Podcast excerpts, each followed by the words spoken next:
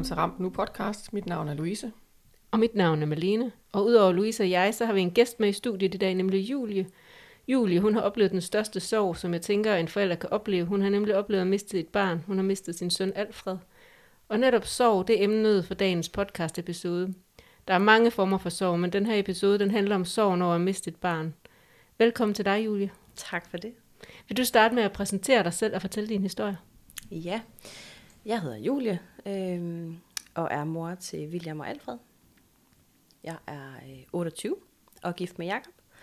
Øh, ja, jeg skal prøve at gøre det sådan, så kort som jeg kan. Øh, vi fik Alfred øh, i 2019, øh, og Alfred kommer til verden sådan en lille smule kaotisk, og øh, øh, vi bliver øh, indlagt sådan den, den første tid med ham, og, øh, og han har ikke rigtig sådan nogen øh, sutte reflekser og en slap fyr og har brug for ilt og øh, har øh, kan ikke spise eller rumme sin mad og der er sådan en masse små startproblemer for ham.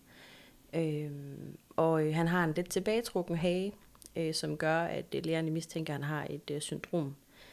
Øh, men de kan ikke rigtig få ham til at passe ind i de her kasser til en start, og, øh, og det går faktisk tre måneder, inden at man vælger at MR-scanne ham. Og der finder man så ud af, at han har en øh, stor, omfattende hjerneskade.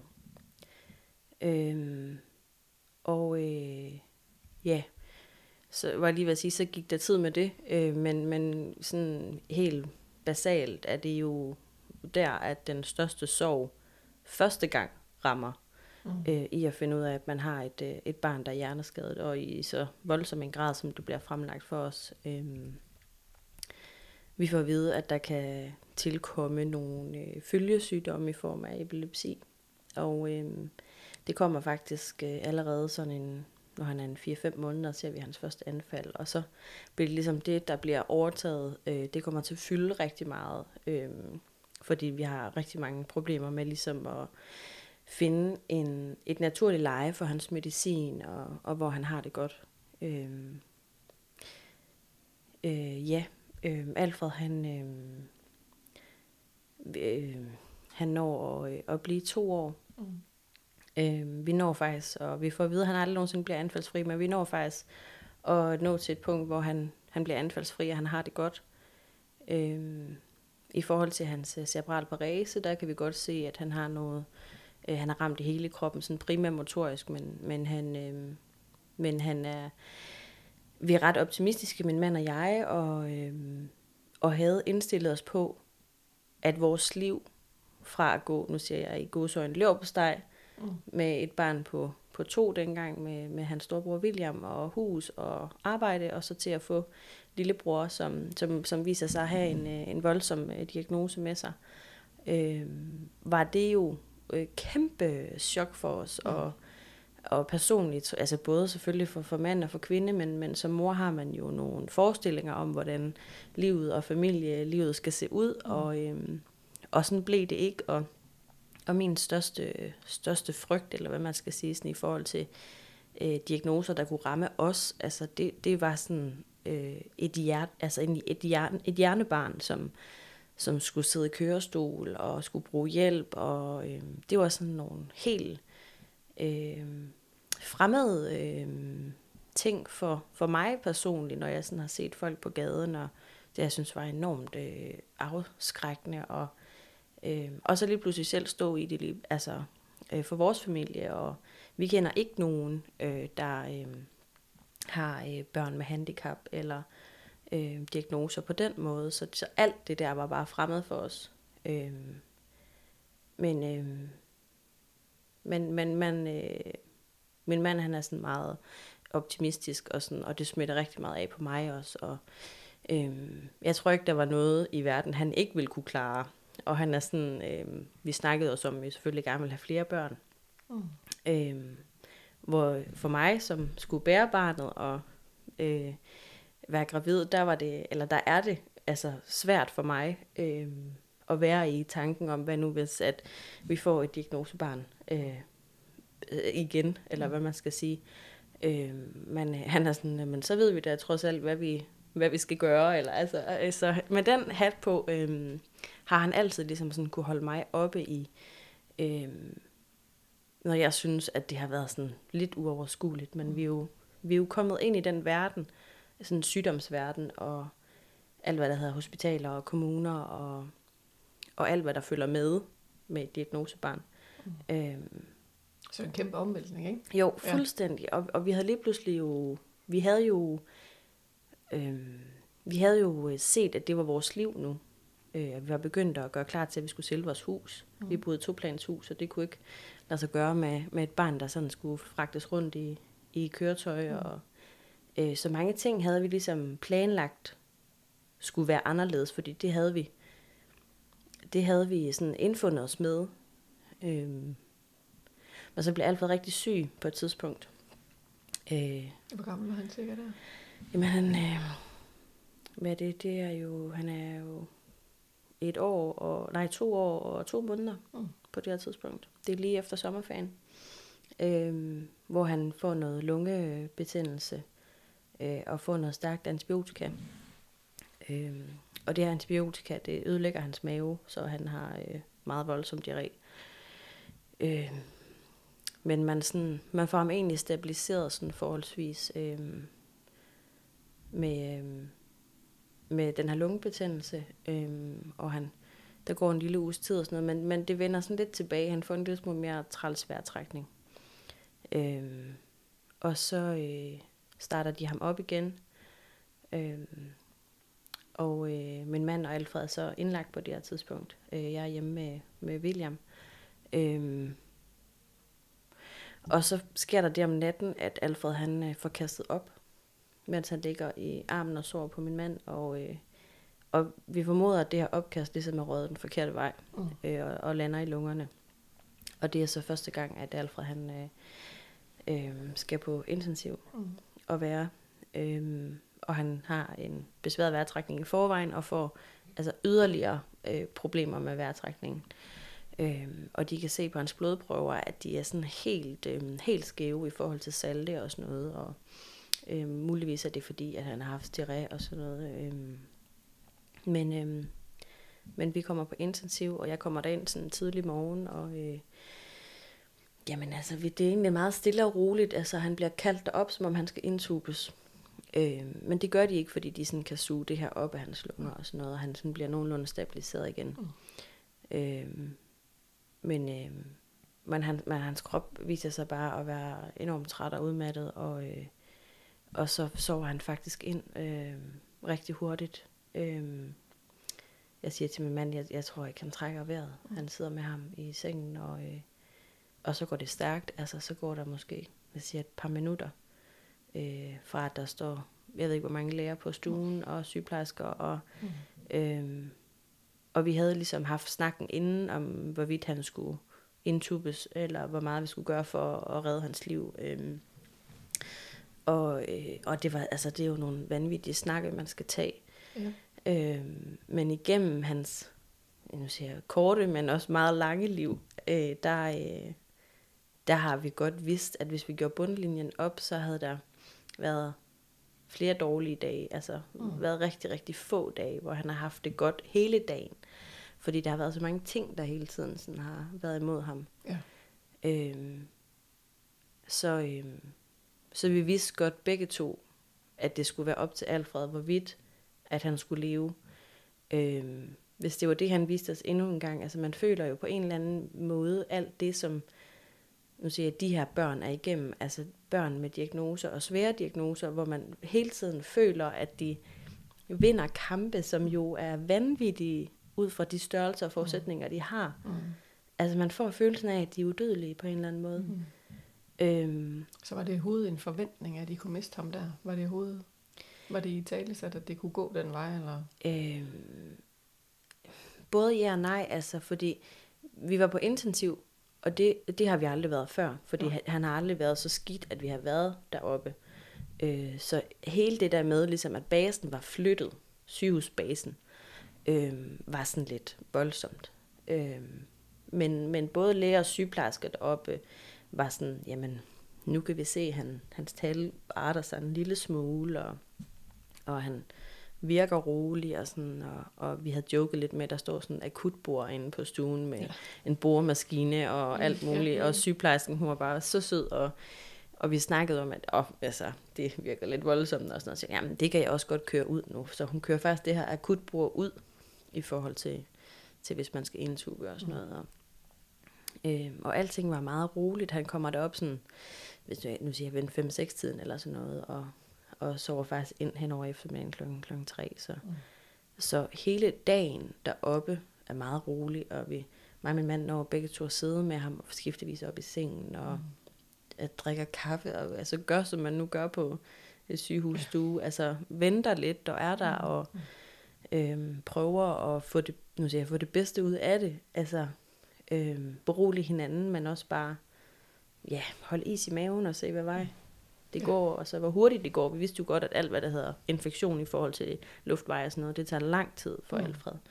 Øhm, så vi var afventende på en eller anden måde, men, men vi kunne også godt mærke på sådan læger, og der har lige været stuegang, og sådan, de var sådan, åh, men altså, lad os nu se, det skal nok... Øh. Så, så det var også et chok for dem, at det gik så stærkt, som det gik lige pludselig. Okay. Ja. Hvordan er det? Øhm, jamen, det var det var en virkelig ud af kroppen oplevelse. Ja. Øhm, sådan, øh, fordi vi havde snakket meget med en mand nede på værelset. Vi blev bedt om at gå ned og spise morgenmad nede på børneafdelingen. Øh, og lige snakke sammen. Øh, og der, øh, men der var vi jo sådan, jamen altså, det kommer ikke til at ske altså nu. Øh, nu er han lige blevet anfaldsfri, og vi ved, hvad vej vi skal. Vi har rigtig mange ting på papiret, vi ved, vi skal nu, og Øhm, og så lige pludselig at stå i, at, at hans krop bare er træt, og ikke kan mere. Altså, øh, jeg tror i løbet af sådan, altså nu, når jeg tænker tilbage, så kan jeg godt sådan, altså jeg sådan øver mig selv i at sige, at det er okay, at han var træt, og det var okay, at det var nu, fordi jeg kan godt forstå det. Altså, hans krop har været igennem så mange ting mm. i løbet af de to år, og øhm, og hver dag har han jo kæmpet rigtig meget, altså med anfald og med spændinger og med alt muligt andet ind i kroppen. Og, øh, så det var sådan, det var kæmpe, altså det var, det var et chok for os. Netop fordi man går med den her tanke om, at han har stået imod så mange ting. Ja. Og, altså, men de føltes på en eller anden måde udødelige. Mm. Så, så det, det, var, det var virkelig chokerende for os, at, at det var nu. Ja. Øhm, men jeg tror også, man skal på en eller anden måde prøve at finde ro i, og, og sige til sig selv, at det er okay, at det var der. Øhm, for vi vidste også godt, hvad han skulle igennem i fremtiden, og hvad man muligvis kom til at kunne skåne ham for. Men, men derfor, altså, det er jo sådan, man har to forskellige, der sidder på skuldrene. Altså man har mor og far på den ene skulder, mm. og så har man sådan det objektive for Alfred, altså for hans ved og vel. Og det er sådan alt efter, hvem der sådan lige får overtaget. Ja. Øhm, så er den mere rationelle del ja. i forhold til alt det, I vidste, og de ja. erfaringer, og hvad der kom til at ske, og ja. ville skulle ske. Ja. Fordi vi vidste godt, at, øhm, at hans krop var enormt træt. Mm. Men, men vi ville jo have gjort alt for ham. Mm, det er klart. Altså, øhm, og det kan man da også stadigvæk få i dag. Men skulle vi have valgt at sige, at de skulle indtube ham?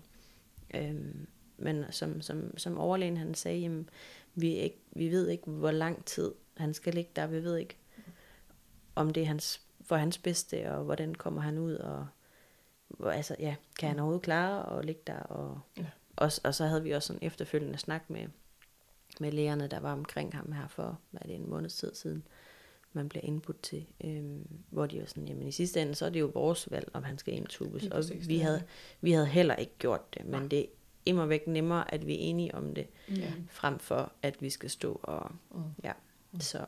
Så det var en meget ud af kroppen oplevelse, sådan lige i de der sådan øjeblik, øhm, hvor man giver sit ja til, at de skal stoppe behandlingen af ham. Mm. Ja. Øhm, ja. ja. For så ved man godt, at når man, man siger enten ja eller nej, jamen, så er det mm. endegyldigt, altså, så er der jo ikke øh, nogen vej tilbage. Nej. Nej. Hvad skete der så? Øhm, jamen, øh, så får vi ham over i armene, og min mand sidder med ham, og jeg sidder og holder ham i hænderne, og, og øh, han bliver pillet af. Øh, hans, øh, han får sådan noget ild i næsen, og, øh, og så ligger han egentlig bare der og sover ind, og det går meget, meget hurtigt. Øh, og så, så bliver man ramt af sådan en godstog af følelser, som er sådan... Jeg kan huske mig selv, sådan gå rundt om mig selv på den her stue, og, og være sådan, jeg siger til sygeplejersken, jeg ved ikke, om jeg skal besvime, eller jeg skal kaste op. Nej. Øhm, altså, det er så surrealistisk, og følelserne, der går igennem mig, er også sådan, hvordan skal vi nogensinde sige det her til William? Ja. Mm. Eller til de mennesker, som har støttet ham og elsket ham. Ja. Øhm, så det er sådan, man bliver sådan ramt af både sin egen sorg, men også den sorg, man ved, man skal sådan pådutte andre, mm. eller sådan andre også bliver ramt af. Øhm, så det er sådan, det er sådan en kæmpe følelsesvrag.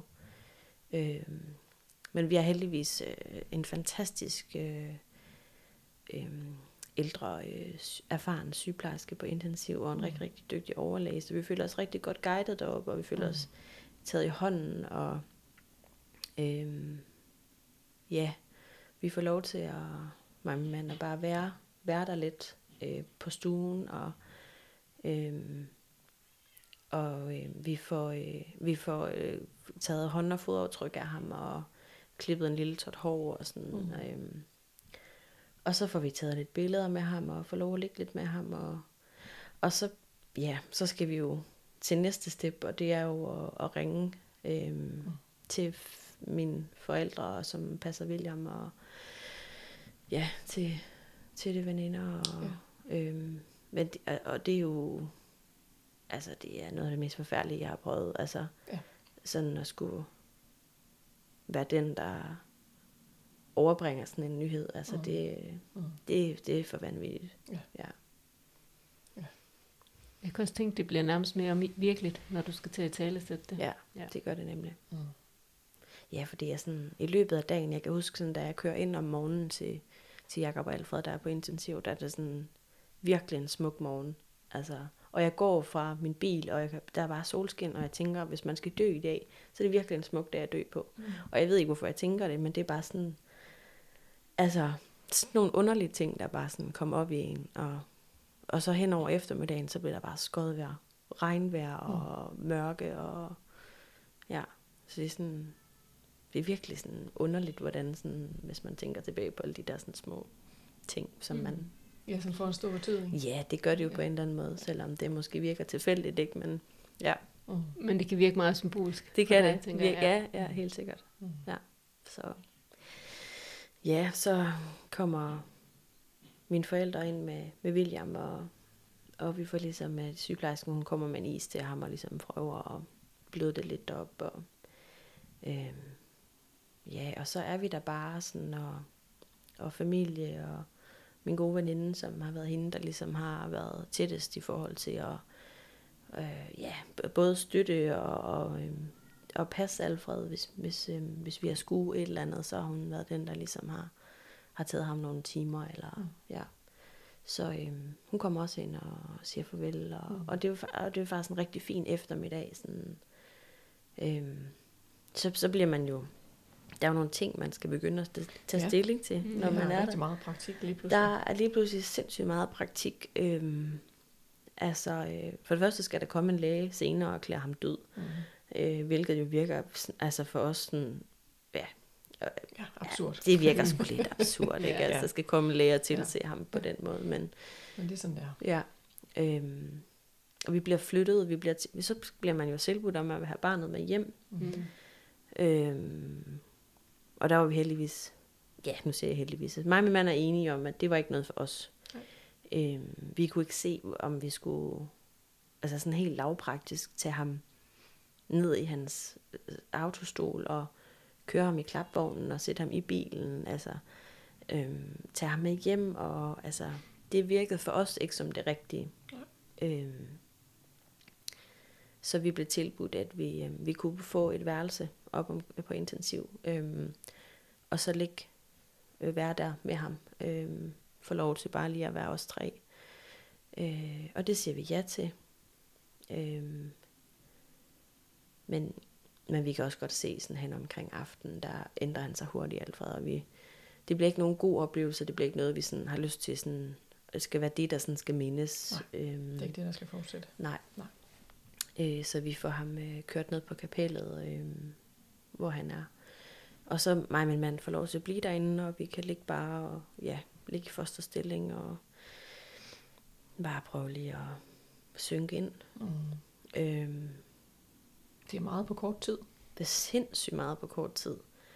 Øhm, en ting er, man føler jo, at de her sådan to år, der er gået, har været sådan en, enormt uh, intense. Men alligevel har det jo også været sådan meget langsomt, fordi at jeg, jeg har gået hjemme med Alfred på tabt arbejdsfortjeneste, og, og meget af vores øh, hverdag har gået med at sidde i sofaen. Øh, fordi han har haft øh, voldsom epilepsi, og man skulle prøve at skåne ham og prøve at gøre sådan mindst muligt for, at man triggede noget. Mm. Øh, øh, så det har været meget på listefødder. Øh, og så havde han, øh, fik han, altså jamen han har fået meget forskellige medicin, noget ved en fejl og noget, og så har vi brugt rigtig meget tid på sådan hele tiden at skulle trappe ham ud af noget, eller trappe ham lidt op i noget, så hans krop har sådan hele tiden været påvirket. Mm. Øhm, så, så dagene har været meget, altså derhjemme, bare os, øh, mig og Alfred, og så skulle vi have kørt storebror afsted og hente ham mm. i børnehave, og så kom en mand hjem, og så kunne jeg ligesom gå på toilet og sådan noget, altså øh, ja. ja. Så det har været sådan meget intenst, ja. men, men sådan, ja, Alfred han var sådan, han øh, havde ikke noget mimik på den måde. Øh, han kunne give udtryk for, at han var ked af det ved at græde, men det gjorde han mest, hvis han havde anfald. Mm. Øh, så vi sådan, vi sukkede sindssygt meget efter at få noget øh, interagering fra ham, altså mm. et smil eller sådan et eller andet. Øh, øh, så han var enormt meget krop, altså det her lille menneske, og øh, havde de mest fantastiske øjne, og det var sådan, altså det var sådan hans, altså vi kunne sådan høre og se, hvordan han havde det på hans vejrtrækning. Høre, om han var i anfald, om han sov, mm. eller, øhm, og det var, øhm, men man kan også sådan se i hans øjne, sådan, hvor, hvor afslappet han var, eller sådan, så, så i og med, at man ikke har et barn, der sådan kan interagere på den måde, så, så var hans krop virkelig sådan noget, der var enormt stærkt i forhold til at give udtryk for, hvordan han havde det. Så derfor så tror jeg også, det var sådan, øh, virkelig sådan ambivalent at skulle lægge hans krop i en seng, og så køre den væk, mm. for at vide, at han skulle ligge et andet sted, end, end hvor vi var. Mm.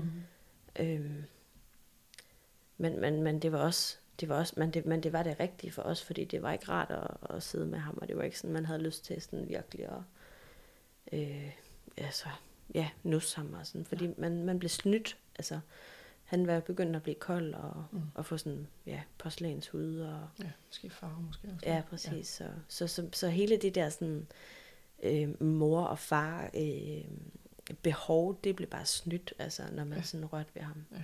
Ja. Øh, og det var, point, det, var ikke, det var bare ikke rart og, mm. øh, nej, for os at, at, at være i. Det kunne vi ikke mm. sådan se os ud af. Mm.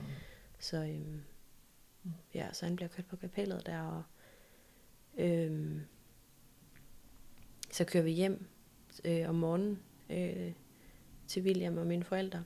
Øh, de bor ikke så langt derfra.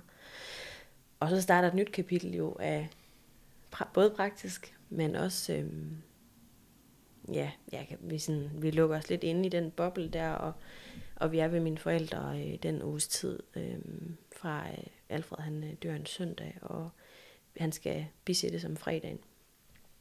Øh, så vi lukker os egentlig lidt inde ved mine forældre, og kan gå lidt til og fra i forhold til William, og ja, øh, jeg græder jo, altså, føles, altså man føler sig sådan virkelig kørt over af, af en augusttog, der sådan, altså skal man, skal, hvad, altså, ja, hvad, sådan, står sådan i sådan en skillevej, altså, hvad, hvad, hvad, hvad skal man nu, ikke, fordi man sådan, vi har jo, vi, vi, vi har jo accepteret, at vores liv var blevet anderledes, og at vi skulle leve det på en anderledes måde, og søge handicapbil, og vores, liv, eller vores hjem var invaderet med hjælpemidler, og altså alt det her, øh, som man aldrig kunne forestille sig blev ens liv, blev vores liv.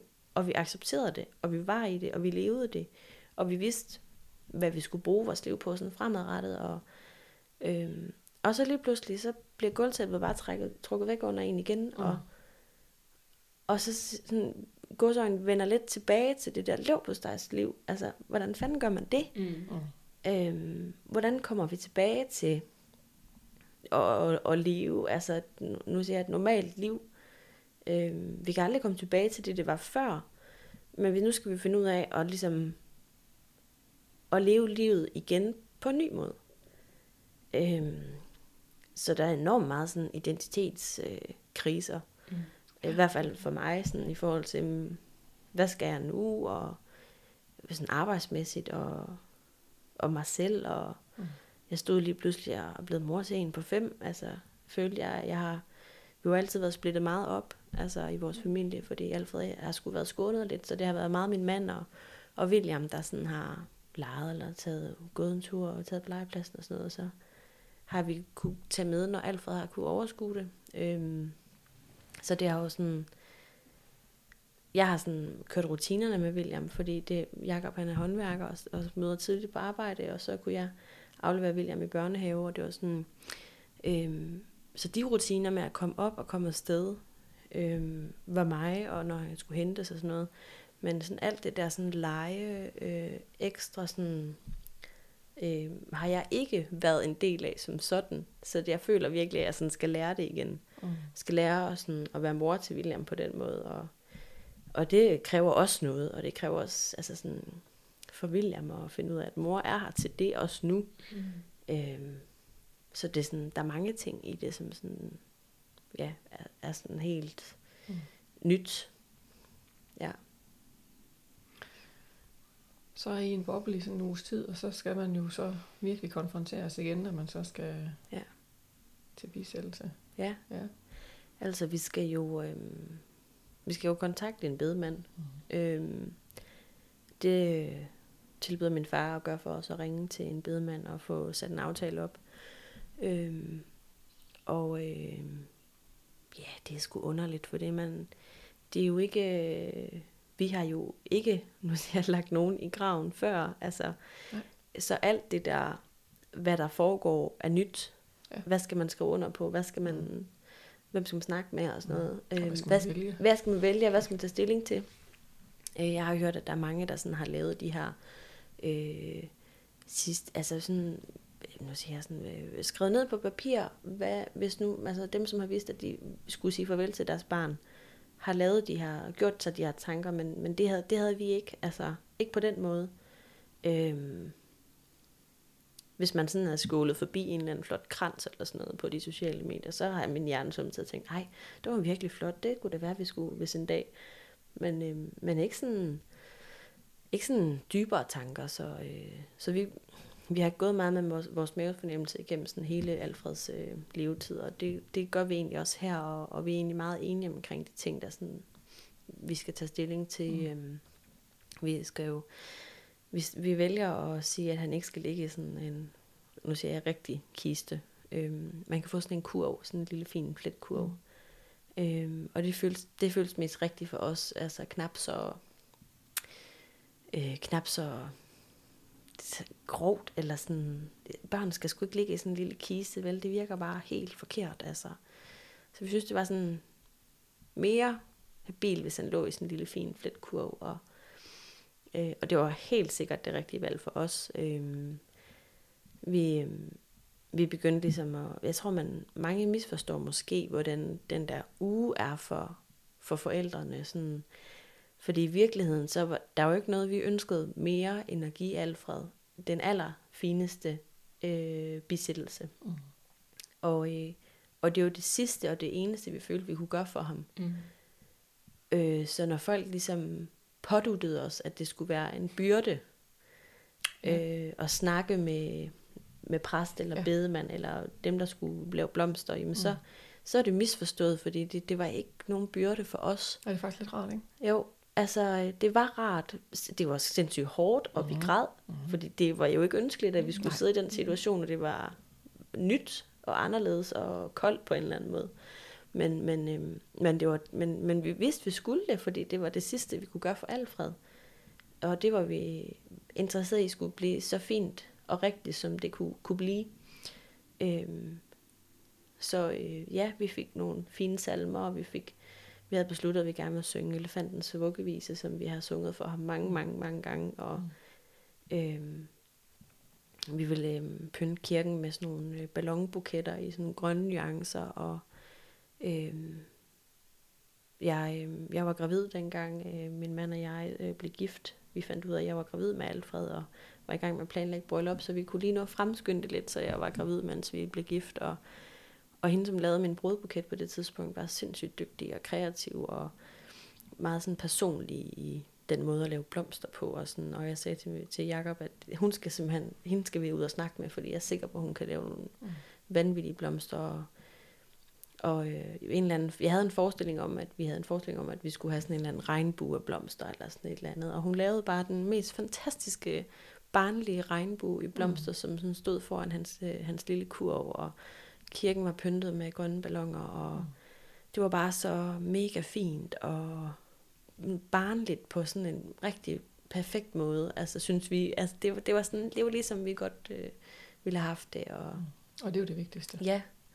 Øhm, og så øh, var det sådan, at så kunne folk klippe en ballon, øh, når de gik ud af kirken, og så når han blev kørt væk, så kunne man ligesom give slip på den her mm. ballon, mm. og det var bare, jamen det var så fint, og ja, så der er jo noget rart i faktisk, og selvom du selv jo siger, at det er fuldstændig barsk, vanvittigt barsk, så er der jo også for rigtig mange forældre, det kan også være for dig, noget rart i at få lov til at gøre det. Ja. Altså få lov til at handle.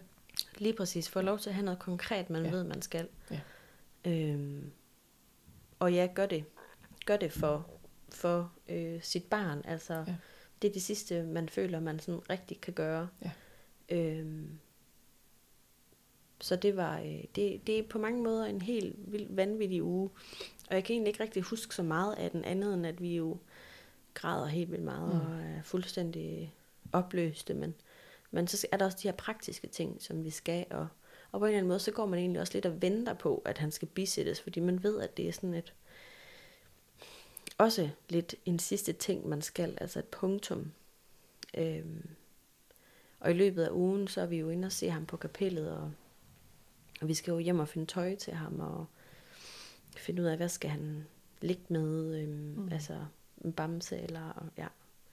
Så øhm, der er sådan, ja, det er altså en sindssyg uge på mange måder, men, øh, men jeg tror også, det er ret vigtigt, sådan, altså, jeg kan huske, min mand, han var sådan, han havde behov for, sådan, når vi skulle på kapellet og se ham.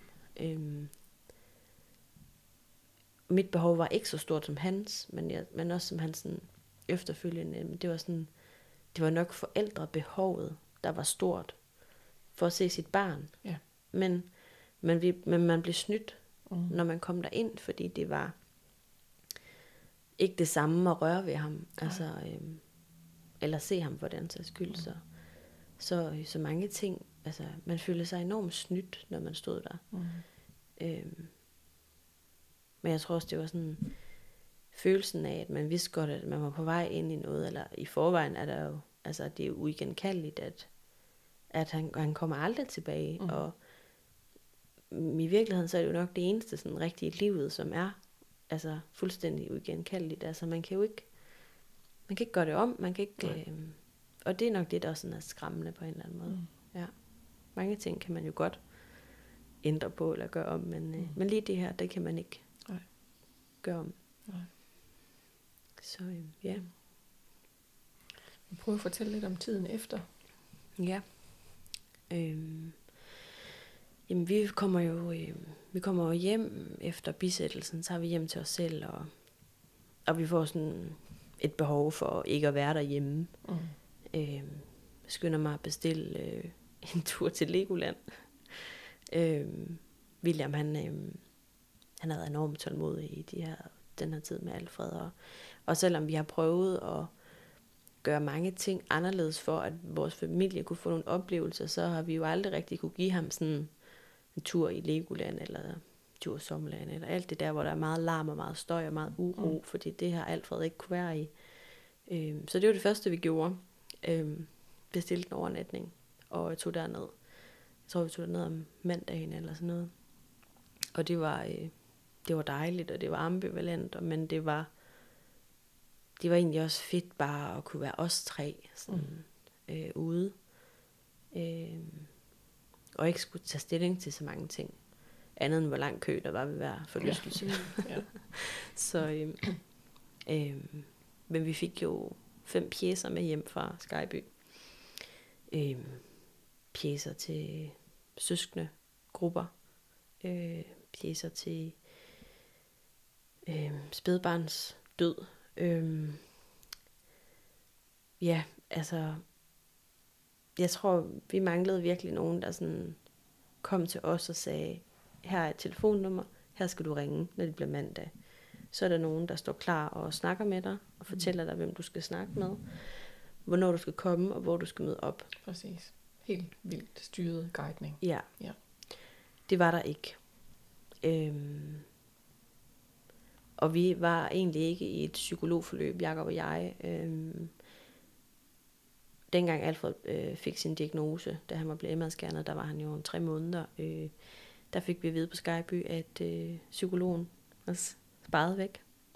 Øh, og øh, man kunne kun få en samtale, hvis man havde et barn, der var cancersyg. Mm. Øh, vi blev tilbudt at snakke med hospitalspræsten på det tidspunkt, og øhm, det var rigtig godt for os. Øhm, ikke fordi hun var pres på den, altså, men det var sådan mere at have de der lyttende ører. Med en støttende samtale. Ja. Øh, men senere hen øh, har der ikke været noget for os. Øh, vi selv skulle opsøge det selvfølgelig, men det har man bare ikke energi til. Og ja. hvem skal man opsøge? Det er det. Øhm, det er en jungle. Ja, vi var så heldige så, at vi Alfred havde, øh, nu siger jeg helt, Alfred havde separat Parese, og der er en fond, der hedder Elsasfonden, mm. som, øhm, som vi blev ligesom en, en del af, og, og, og de har jordens mest fantastiske psykolog. Og, øh, og hun har været der for os, øh, når vi har været derovre, og vi var der jævnligt, sådan, og så har vi ligesom kunne få, nu siger jeg, renset lidt ud, sådan, og få lidt luft, og, øh, men ellers så har der ikke været noget sådan hjælp til os. Øh, men, øh, men vi står lige pludselig og skal selv finde ud af, hvad for en psykolog vi vil snakke med. Øh, vi skal gå til egen læge og få en henvisning. Og øh, ja, øh, min mand tager til og ringer derned, og jeg tror måske, han siger, ja, øh, sådan og sådan og sådan. Og lægen han er bare sådan, at jeg laver bare lige den her henvisning telefonisk, og så kan I selv gå ind og finde en, I gerne vil snakke med. Det er en meget, meget, meget, meget lang liste. Åh, oh, det var bare så uoverskueligt. Altså, mm. fordi vi var sådan, hvem skal man snakke med? Man føler lidt, man skal have nogen, der kender til noget omkring traumer, i ja. forhold til det, man har været igennem, men også en, som ved noget om at miste barn, mm. og ja. Øhm, det var sindssygt overskueligt, og så kunne man gå ind, sådan, altså vinge af, ligesom når du skal bestille en charterrejse, ikke? Altså, hvad skal personen mm. øh, indeholde af hvad hedder sådan noget, erfaring indenfor og sådan noget. Og, det, og så kommer der en liste op, ikke? Og ja, så skal du jo selv tage kontakt til hver. Der er bare sådan et billede, man kigger lidt på billederne og tænker, Nå, hun ser da måske meget sød ud. det er sådan virkelig absurd. Men øhm, ja, vi... Øhm, ja, jeg ved, jeg, jeg øhm, har gennem tiden øh, brugt rigtig meget sådan... Øh, Instagram til ligesom at, at lette mit hjerte på, og sådan, øh, vi har været enormt meget, bare os, min mand og jeg, sådan i, gennem forløbet i Alfreds liv, og sådan, og så dengang vi fik diagnosen, og ligesom skulle råbe det ud til hele verden, så var det et rigtig godt sted ligesom at informere familie og venner og bekendte, og, øh, og så sidenhen er det egentlig bare blevet sådan en form for, nu siger jeg måske terapi for mig selv, men også kunne jeg høre, når jeg sådan har mødt bekendte, når en fed måde for dem også, ligesom at kan være opdateret på, hvad der sker og sådan noget. Øhm, så, øhm, så der var en, der skrev til mig på et tidspunkt faktisk, at øh, hun kunne øh, anbefale en psykolog øh, i Aarhus, som hun havde benyttet sig af. Og det var sådan, det var, lige, det var bare lige det, jeg havde brug for, at mm, der var en, der sagde, ved du hvad, hende her synes jeg er god. Ja, her er nummeret. Ja, og så sagde jeg til Jacob, ved du hvad, skal vi ikke bare tage hende? Fordi vi kunne bare ikke overskue, skulle bladre igennem alle de der, og tage kontakt til nogen, og det var bare alt for meget. Mm. Øhm, ja. Jeg er helt enig. Men det, det kan ikke overraske nogen. så, øhm, Ja, så vi kommer i gang med psykologforløb. Mm. Øhm, jeg tror måske, måske halvanden måned efter Alfred egentlig er gået bort.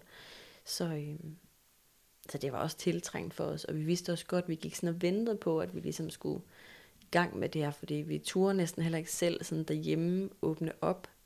Fordi hvad nu, hvis vi bare lige pludselig kommer til at åbne op et mm. sted, hvor vi ikke kan få tingene ligesom af vejen på en god måde, øh, så var vi, tror jeg, vi var lidt bange for, hvor vi så ville ende henne. Ja, vi havde jo også William at tage hensyn til. Det er det. Mm. Så, øh, så, så, så takket være ham skulle, skulle vores hverdag jo fungere og køre og alt ja. muligt. Øh, så vi kunne ikke bare øh, sætte os ned. Nej. Og ikke stå op om morgenen, mm. fordi han skulle i børnehave mm. og have morgenmad, og vi skulle lege og vaske tøj og rydde op. Og ja, mm. så, øhm, så vores hverdag nu øh, går sådan meget, jeg tror sådan, både, for William er det underligt pludselig, at mor og far er hjemme, vi går på soveoverlov, øh, mm. Jakob og jeg, og øhm, man kan godt mærke på ham, at han måske venter lidt ja. på noget, han ikke ved, hvad er. Mm. Ja, hvorfor, lidt igen. Ja, ja, hvorfor er mor og far hjemme nu, og hvad skal der ske, og skal de være det altså, er nu, eller... Så i virkeligheden, så er vi jo sådan et underligt sted, hvor, hvor vi nu siger, jeg har friheden til at kan, kan være derhjemme, men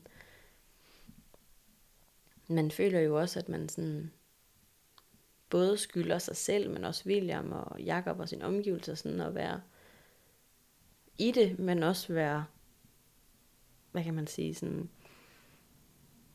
være sådan fattet omkring det, eller sådan kan samle sig og være, være, være familie og være noget for William. Og sådan. Men det er da også noget at pres. Mm. Ja, det er det. Mm. Altså der er sådan, jeg tror sådan, de er jo forventningerne til, hvor man er henne i, i sin sorg og i processen, og øh, er jo enormt akavet at møde folk i. Øhm, og jeg tror, jeg tror måske, det, det er nemmere, altså for mig, jeg tror også for Jakob måske, sådan at, at være derhjemme, bare han og jeg, vi har en fælles sorg, og vi går til psykolog sammen, og, og sådan har en god forståelse for hinanden i sorgen. Vi er meget ens på de punkter. Mm. Øhm, men, men i vores, sådan, hver vores sorg er vi sådan, jo også forskellige, og jeg tror, hvordan man sådan føler sig mødt, når man møder nogen. Øh, forventningerne til, hvor jeg er henne i min sorg. Øh, hvor, hvordan man sådan ligesom kan pådute mig nogle følelser, som måske i virkeligheden slet ikke er rigtige eller findes øh, lige nu. Øh, hvor langt man er kommet, og hvor langt man ikke er kommet. Altså, der er så mange... Øh, underlige faldgrupper. Ja, når man det er lidt folk. specielt, ikke? Det er meget specielt. Ja. Og jeg tror måske også for at skåne sig selv i alt det der sådan specielle måde at møde folk på, så, øhm, så er det sgu nemmere bare at blive derhjemme. Ja, så kan man blive helt sådan undgående. Ja. ja. Jeg kunne godt tænke mig at høre, om du også har forventninger til dig selv. Fordi du siger det, det med, at I skal jo også være en familie, og I mm. skal være der for William, og det skal I selvfølgelig men du skal også have lov til at være i din sorg og rumme den. Så jeg tænker, har du også nogle forventninger til dig selv, i forhold til, hvor du skal være hen? Altså, øhm, alt det der med sådan at mærke sig selv, mm. og, og øh, have, ja, som du siger, forventninger til sig selv, det er sådan, det er sådan nok den største proces for mig selv, mm. øhm, i forhold til min sorg. Øh, jeg har sådan enormt meget sådan identitetskrise, altså, mm-hmm jeg følte mig enormt powerful, da jeg var mor til Alfred. Det er jo stadigvæk, men sådan i hele det der sådan sygdomsforløb, vi har haft enormt mange kampe med sygehus og alt muligt, og kommune, og, og, øh, og i virkeligheden så følte jeg mig enormt powerful, når jeg ligesom øh, havde noget sådan konkret at kunne, kunne gøre for Alfred, eller for, mod systemet, eller sådan, hvor det sådan føltes rigtigt for mig. Mm. Og alt det sådan, jeg, jeg føler mig sådan flad Altså, øh, jeg føler ikke, at jeg er så powerful, som jeg gerne vil være. Øh, og jeg føler mig heller ikke altså, som den mor, jeg gerne vil være for William, altså endnu. Mm. Det, det er en proces, der kommer mm. ja, lige så stille. Og, øh, så sådan forventningerne til mig selv er også lidt, at at jeg tror måske, jeg går og venter lidt på, at min egen sorg ligesom, jeg ved ikke, udvikler sig, eller sådan, vi har en, jeg tror, det, det, vi har haft meget fælles sorg, og øh, jeg tror ikke, vi, sådan, vi, vi er nok ikke så gode til at dykke ned i vores egen sorg hver især. Øhm, og det tror jeg sådan er, det må være næste step, sådan at man sådan begynder at mærke sig selv også. Vores psykolog, vi, sådan, vi fik startet op, hun var sådan, men øh, I skal ikke altid planlægge noget, eller lave noget. Nogle gange, så skal I også bare prøve lige at mærke hinanden og mm. sig selv. Og, fordi det har man jo ikke gjort i, i to år, og øh, alt hvad der hedder selvomsorg, altså det findes ikke, fandtes ikke. Så det skal man sådan begynde at, at finde tilbage til, og sådan prøve Det er faktisk meget, man skal lære igen. Det er der virkelig. Øhm, så alt, hvad der sådan, hvad der har fyldt i mig, altså har været lagt væk. Fordi der har ikke været tid og overskud til at sætte fokus på mig. Mm-hmm. Så det har været Alfred, som har været første prioritet, ikke? og så har der jo selvfølgelig været William også. Mm. Så min mand og jeg stået lidt til sidst Mm. der, og været sådan parallelle ved siden af hinanden, og så er der familie, veninder, og altså udenomkring, og Jakobs arbejdsgiver, og sådan alle mulige ting, som man godt ved, der bliver forsømt sådan lidt hist og pist, men, men, øh, men, men, men en selv har, har altid kommet i sidste række. Øh, så, så det, jeg tror, lige nu er det sådan en af de største ting, sådan at finde ud af, hvor er jeg henne i min sorg. Mm. Øhm, fordi det er sådan, der er mange ting, der spiller det et pus. Altså, øh, ja. Men jeg kan, det, det giver rigtig god mening, det med, at du siger, at du har en identitetskrise. For jeg tror, hvis man ikke har oplevet at have et, øh, et barn med alvorlig sygdom eller handicap, eller ikke har, kender til nogen, der har det, så er det måske svært at vide, hvor, hvor, hvor meget det bliver i ens identitet, og hvem man er. Og hvis du lige pludselig ikke er det, så kan jeg godt forstå, hvem, hvem er jeg så, og hvad, hvad, er det så, jeg skal, og hvad kan jeg så? Så det, det giver for mig rigtig god mening, at, øh, at det er jo en, også en sorg oveni, og sorgen over at miste sit barn, så skal du til at lære dig selv at kende på ny. Ja, Ja. det skal jeg virkelig. Som du siger, det man, man er meget sygdomsmor, ikke? Man mm. Mm. tager telefonen og siger sit navn og hvem man er mor til, og så skal man sige hans CPR-nummer, Mm. mm. ikke? Altså, man er jo ikke sig selv, men er, man er mor til Ja. Mm. Alfred, ikke? Øh, og øh, ja, så... Øh, ja, så det er super meget identitetskrise lige nu, sådan mm. i Mm. forhold til, ja, hvem er jeg, og hvad skal jeg, og hvor går jeg hen og finder tilbage til den der power, som jeg ved, det, det gav mig at, at gøre noget for min tønde, og mm. i forhold til det system, vi var i, som er jo så sindssygt ulige, og til tider sindssygt uretfærdigt, øhm, Og tungt. og Mm. tungt. Øhm, ja, det gav mig på en eller anden måde noget power, Mm. som jeg... Men jeg må anerkende, at du har jo stadigvæk noget power. Altså fordi, du har jo... Det altså, har jamen det har du. Ja. Altså dels så deltager du her, Ja. men du har faktisk også stablet et, et arrangement på benene til januar. Altså det, det kræver jo noget power Ja. at gøre det. Så altså, jeg tænker, vil du ikke lige fortælle lidt om, om hvad det egentlig er, du har lavet som øh, Jo, der til januar? det vil jeg. Øh, men jeg tror, det handler sådan lidt om, øh, ja, det følelsen af, at man gør noget, kan gøre noget konkret. Mm. Øhm, jeg, øhm, sådan tiden efter, der er man jo sådan lidt rådløs, og ja, vi skulle jo også brøle ud til hele verden, at Alfred ikke var her mere, og igennem, nu siger jeg, de sociale medier, har der været simpelthen så mange, der gennem tiden har hæppet på ham og fulgt med og støttet os, og øhm, så vi fik et enormt stærkt netværk online, Mm. til andre øh, kvinder, øh, øh, som selv havde sygdomsbørn, øh, børn, øh, som selv var sygdomsfamilier, og, og vi skulle jo ikke altid sige så mange ting, øh, men vi vidste, hvad det handlede om. Mm. Og, øh, og det, øh, det har gennem tiden givet mig helt enormt øh, ro øh, og sparring og forståelse og noget anerkendelse og ja, måske bare lige det der sådan klap på skulderen, hvor man ved, at folk de ved, hvad det handler om, det man står i. For de står selv i de samme sko. Mm. Øhm, og, øhm, og så pludselig så skulle jeg sådan finde ud af, hvem skal jeg identificere mig med nu?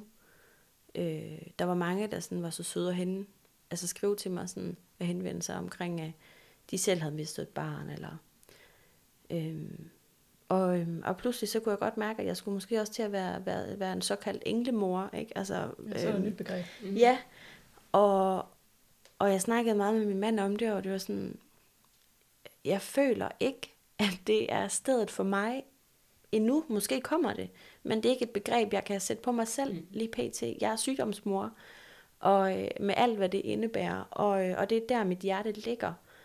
Og også for mange af de børn og familier og mødre, øh, som, øh, som vi har haft kendskab til igennem flere år nu. Øh, så øh, jeg gik med sådan en følelse af, at jeg sådan havde lyst til at gøre noget godt for dem. Og jeg vidste, at hvor alene jeg selv havde været i alt det her sygdom gennem tiden, og, og hvor lidt man egentlig kan dele med, med, med venner og familie, fordi det er jo klart, de, de, de ved ikke helt nøjagtigt, hvad det handler om. Øh, men jeg fik sådan lyst til at prøve at se, om det var noget, nogen havde lyst til at deltage i en dag, hvor vi simpelthen bare mødes og på kryds og tværs af diagnoser og, øhm, og fonde. Altså, nogle møder kommer man aldrig til at møde, fordi vi ikke er i de samme mm. omgangskredse, mm. hvis man mm. kan sige det sådan. Og jeg havde synes det var så synd, fordi det er jo nogle mødre, som nu siger jeg, betyder meget for mig, det er også groft sagt, men sådan, altså, har været en del af historien, ikke? Og, og den støttende historie, og man, følger, man følger jo hinanden, og børnene, og føler, at man kender hinanden.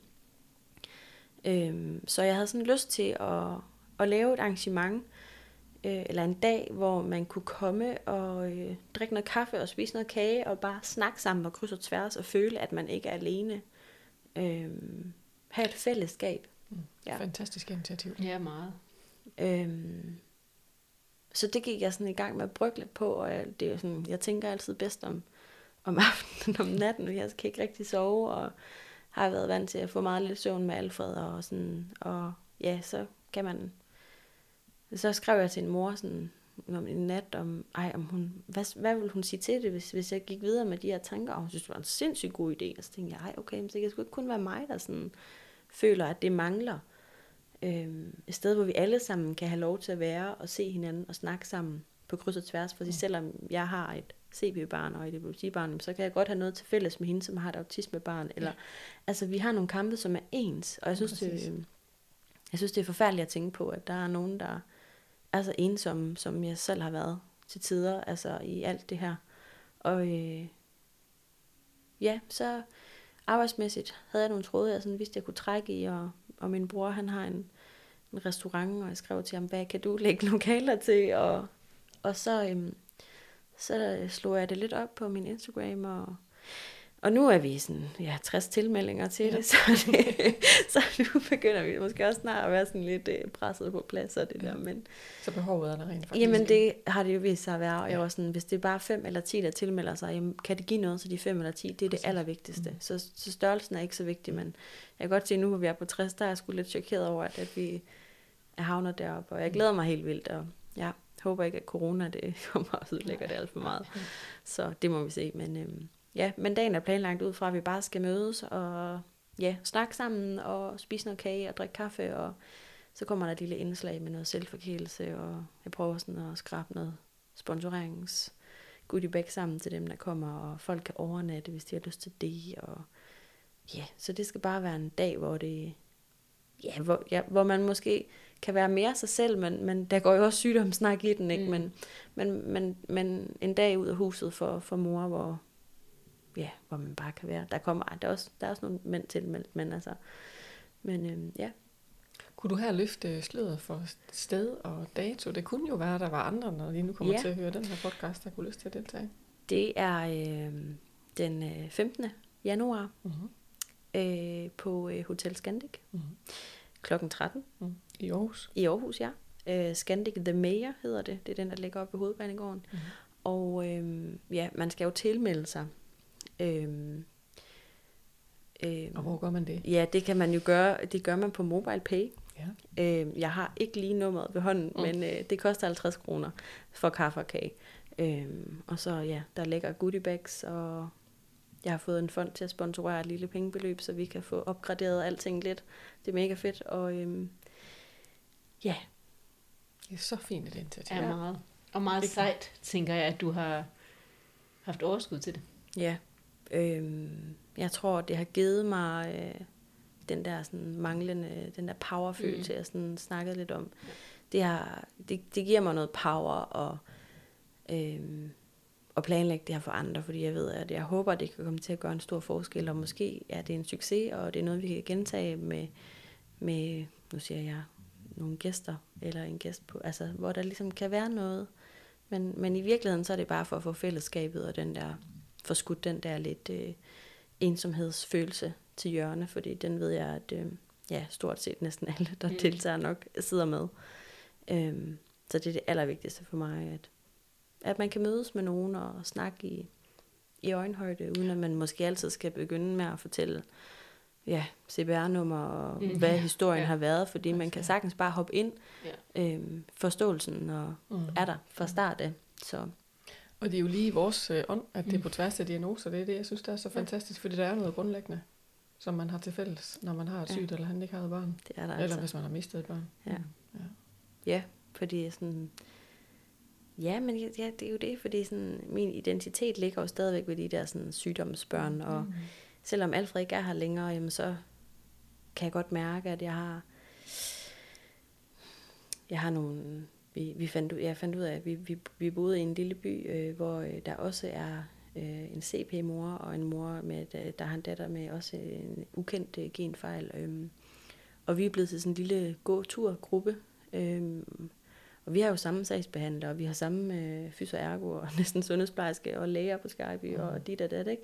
Så vi har jo mange ting også til fælles. Øh, men snakken går på en anden måde, og, øh, og de, vi er jo blevet rigtig tætte, øh, selvom vi startede som en gåturgruppe. Mm. Øh, ja. Og det... Øh, så det er faktisk det, du breder lidt ud? Ja, ja. det tror jeg måske, ja. det er. en kaffegåturgruppe. Ja, ja, det, bliver, det er rigtig godt. ja. Ja. Jo, nu nævner du det her behovet i virkeligheden for et netværk af nogen, der øh, forstår på et helt andet plan. Hvordan, hvordan har dit, øh, i situationstegn, almindelige eller dit, dit eget netværk reageret på alt det her, eller på jeres netværk reageret?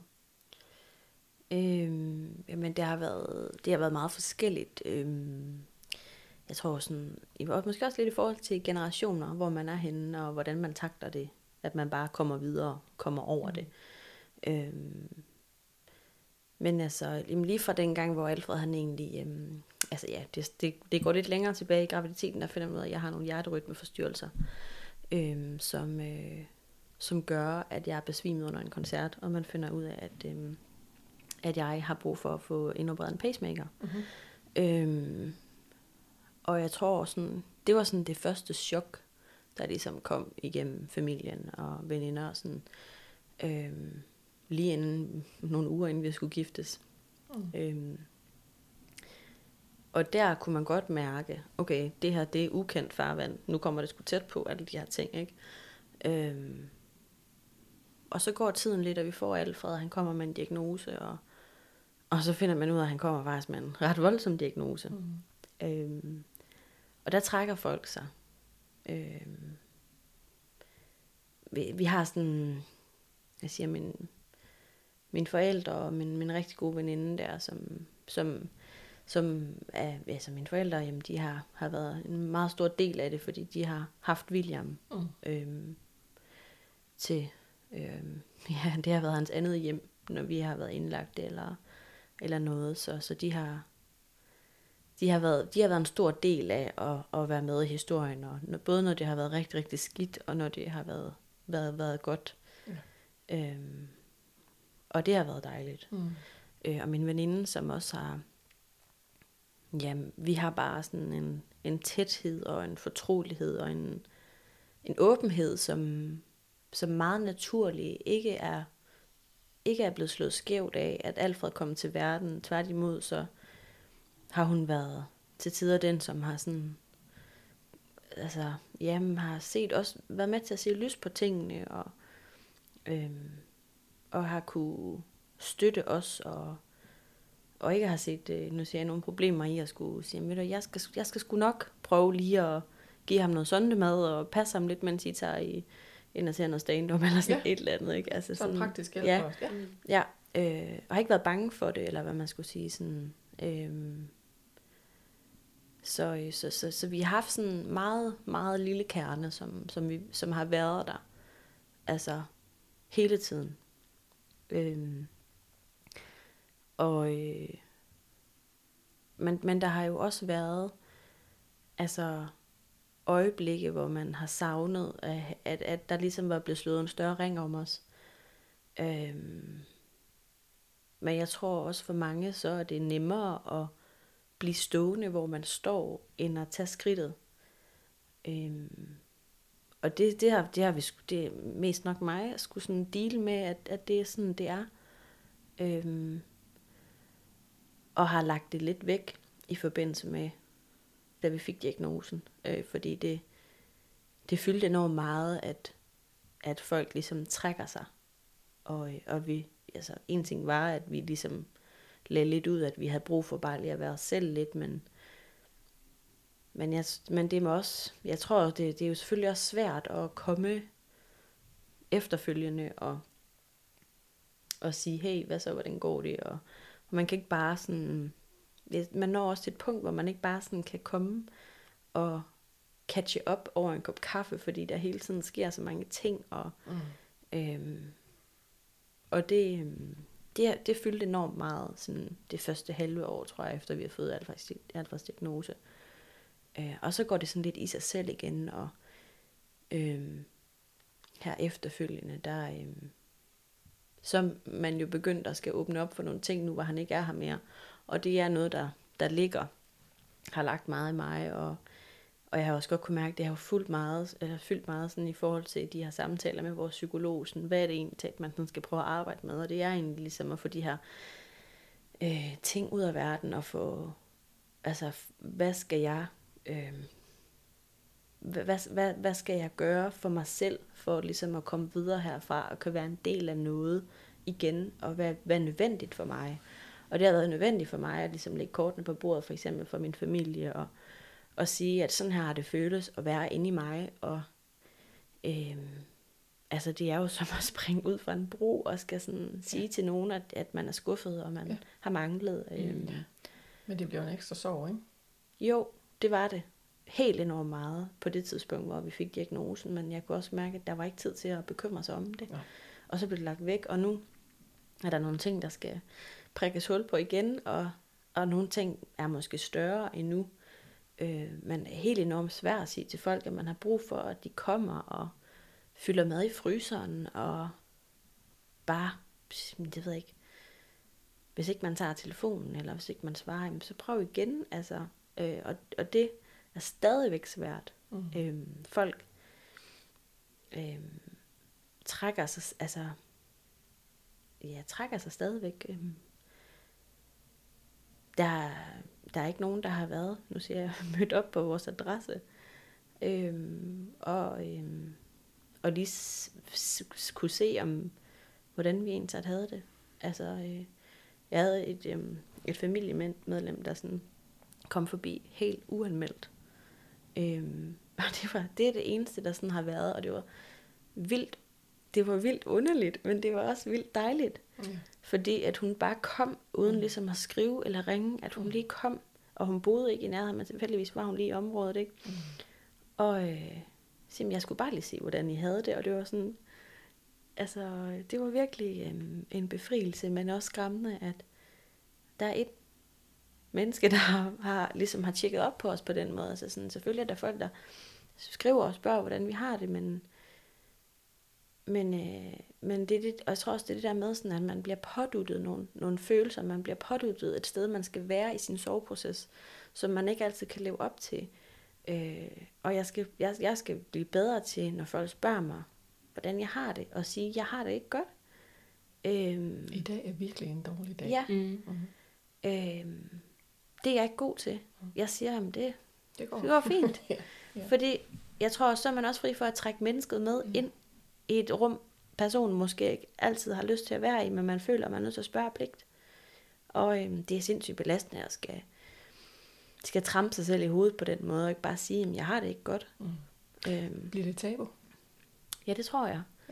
Ja. Øh, altså, der er jo ikke noget mere i verden. Folk er mere akavet omkring en sorg. Mm-hmm. Nej, det er utroligt, ikke? Det er så utroligt, og jeg synes, det er jo forfærdeligt, at man ikke, øhm, man behøver jo heller ikke altid at møde os med sådan, åh, altså den der sådan Ej, virkelig sørmodighed, men Nej, altså nej, møde os med et smil og med Ja. et kram, og hvis Ja. ikke du ved, hvad du skal sige, så bare lige sige, jeg ved ikke, hvad jeg skal sige, Lige præcis. Ja. og lige give et klem, Ja. så er det det. Det er det. Ja, Ja. og fair nok.